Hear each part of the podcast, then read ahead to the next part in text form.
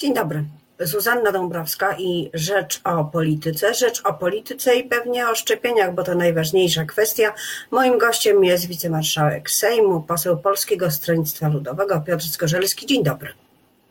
Dzień dobry pani redaktor, witam państwa bardzo serdecznie.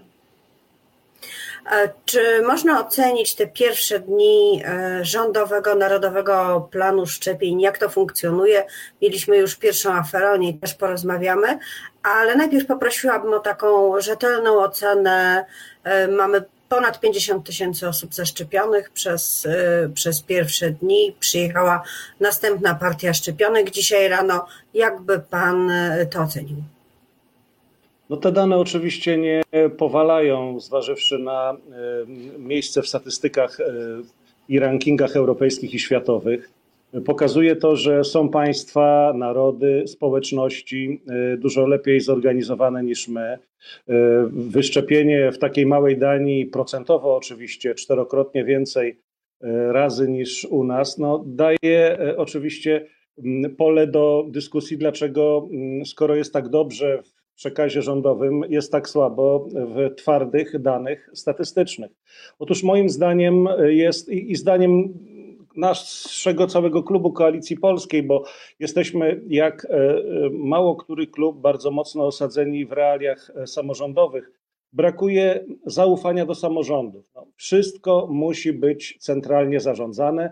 Szczepionki narodowe, program narodowy, rząd narodowy, tylko tak naprawdę szczepionka, uwaga, niemiecka, e, nawet jeżeli powiemy e, o firmie Pfizer, no to jeżeli ktoś e, dokładnie zerknie, no to zobaczy, że założycielami byli Amerykanie niemieckiego pochodzenia.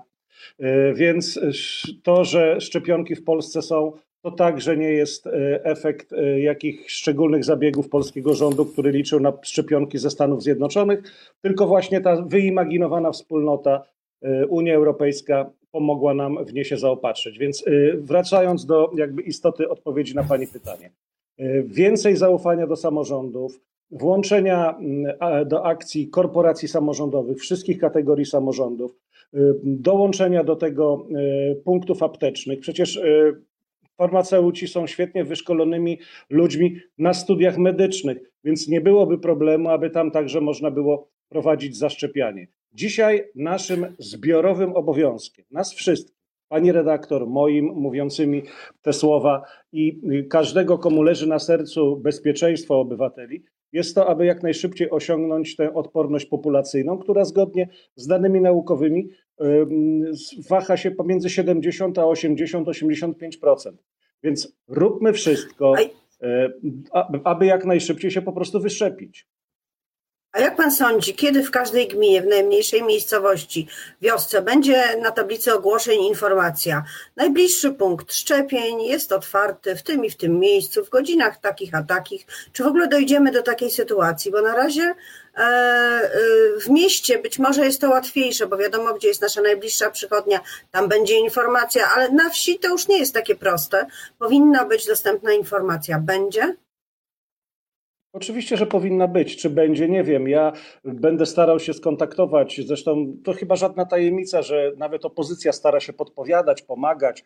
Efektem takiej rozmowy była, e, myślę, dobra e, umowa pomiędzy ochotniczymi strażami pożarnymi a e, rządem na to, żeby strażacy włączyli się w akcję.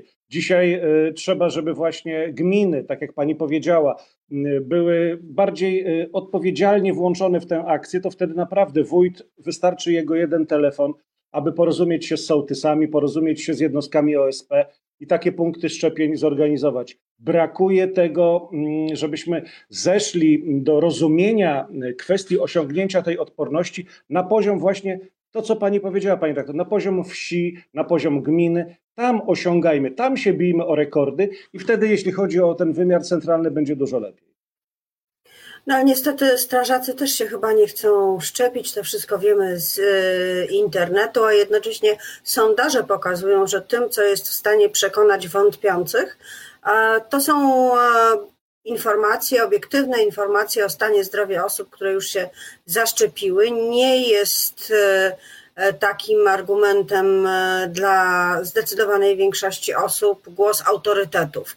Czy będą to autorytety religijne, ta, takie jak ksiądz proboszcz, czy nawet biskup, nie są też artyści. No i tutaj dochodzimy do afery ostatnich dni. Pierwsza afera w nowym 2021 roku, czyli szczepienie się poza kolejnością grupy kilkunastu E, aktorów, trafił się też e, polityk, czy co jeszcze bardziej uatrakcyjnia samą e, awanturę, Leszek Miller. Co pan o tym sądzi? Dlaczego to było możliwe? Co się właściwie wydarzyło? Nie no, dali się wkręcić. Oczywiście nasi artyści okazali dużą naiwność. Zostało to bezwzględnie wykorzystane. Nawet z niekorzyścią właśnie dla statystyk, o których mówiliśmy.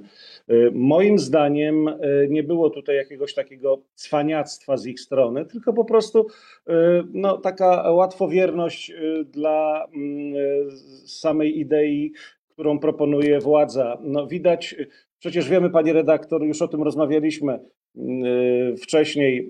Nie jest tak, że oni włamali się do WUM-u, nie jest tak, że zaszczepili się y, po kryjomu. No ktoś do nich zadzwonił, ktoś ich zaprosił. Y, widać, że trzeba zachowywać się bardziej roztropnie, żeby z akcji ambasadorów nie stać się no, stowarzyszeniem anonimowych ambasadorów wstydu. Wiemy dzisiaj jedno, z pewnością autorytety nadal, jeżeli są w jakichś środowiskach, powinny się włączać. Pewnie już e, poprzez e, doświadczenie tych, e, tej słynnej osiemnastki takie zabiegi typu starosta, wójt, marszałek województwa nie będą dobrze widziane, ale gdyby na przykład zaszczepił się Robert Lewandowski czy nasza wybitna tenisistka Iga, no to może to by, to by pomogło. To muszą być już chyba autorytety niepolityczne, bo politycy już tutaj chyba nic wiele nie zrobią. A czy pan ma zaufanie do władzy, a co za tym idzie do państwa, jeżeli chodzi o sposoby przeciwdziałania e, pandemii już szerzej, nie tylko szczepienia?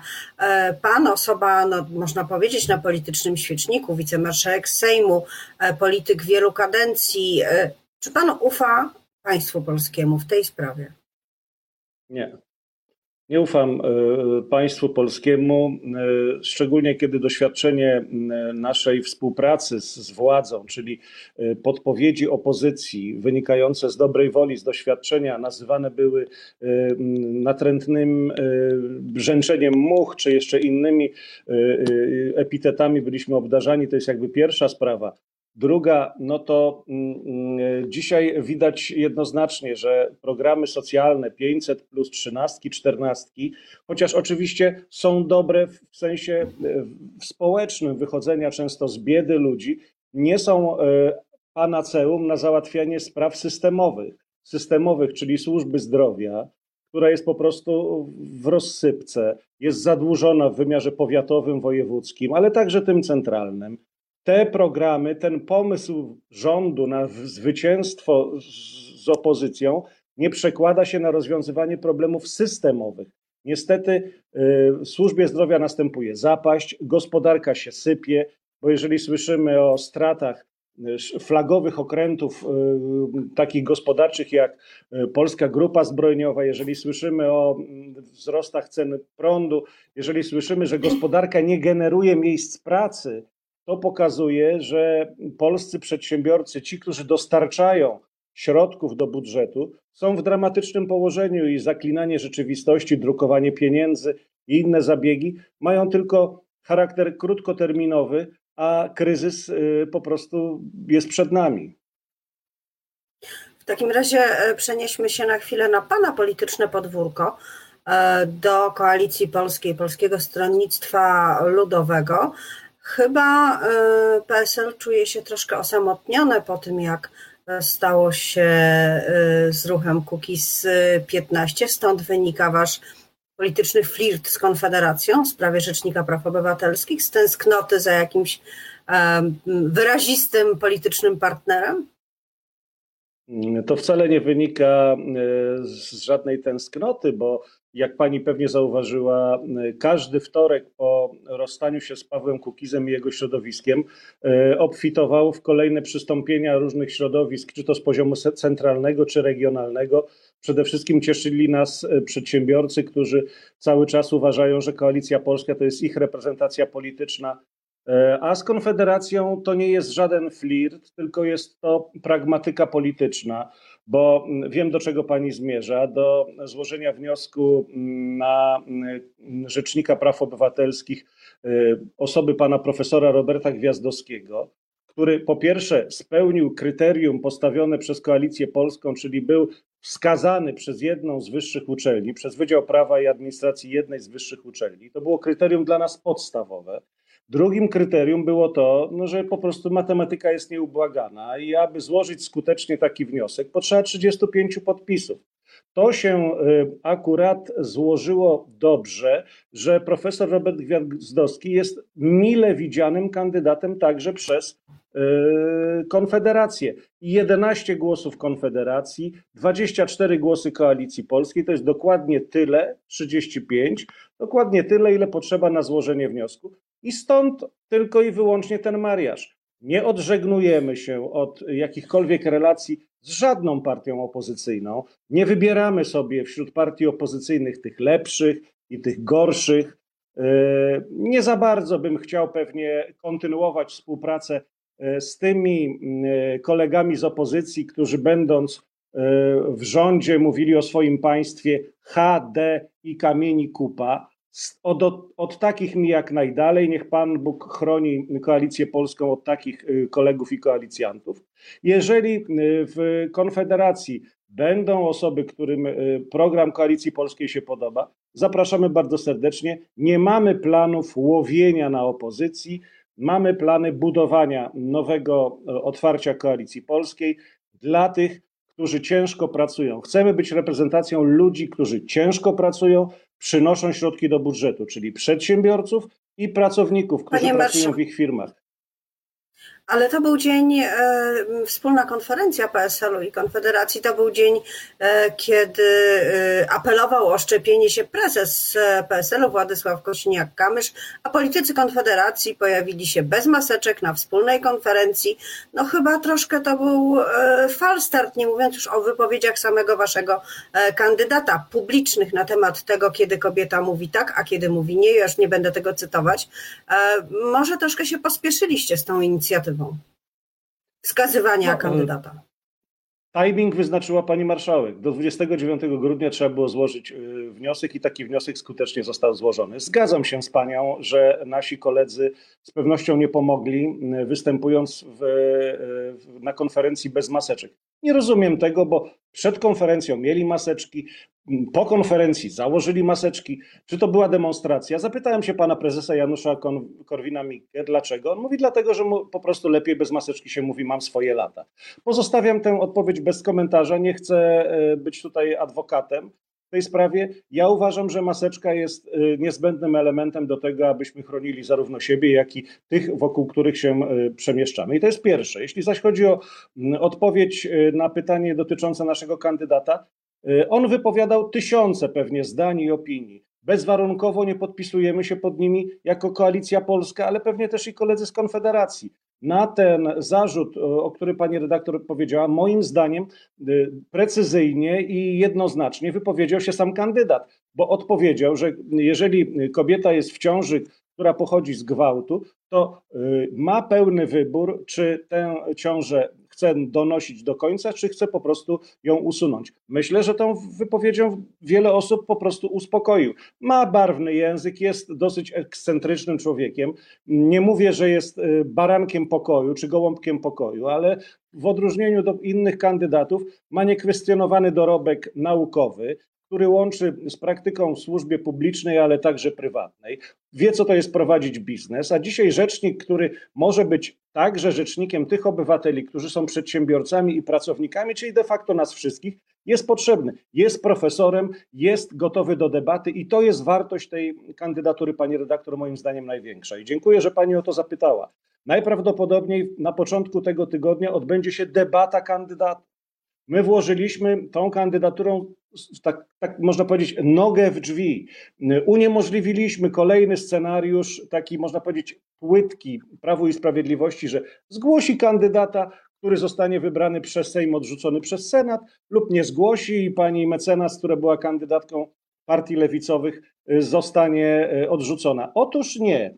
Jest trzeci kandydat, który wezwał do debaty debata, czyli uspołecznienie procesu wybrania rzecznika na przekór Prawu i Sprawiedliwości. Proszę, daliście kandydata, mocarza, no pewnie to jest jeden y, z najlepszych waszych y, kandydatów, więc dawajcie go na debatę.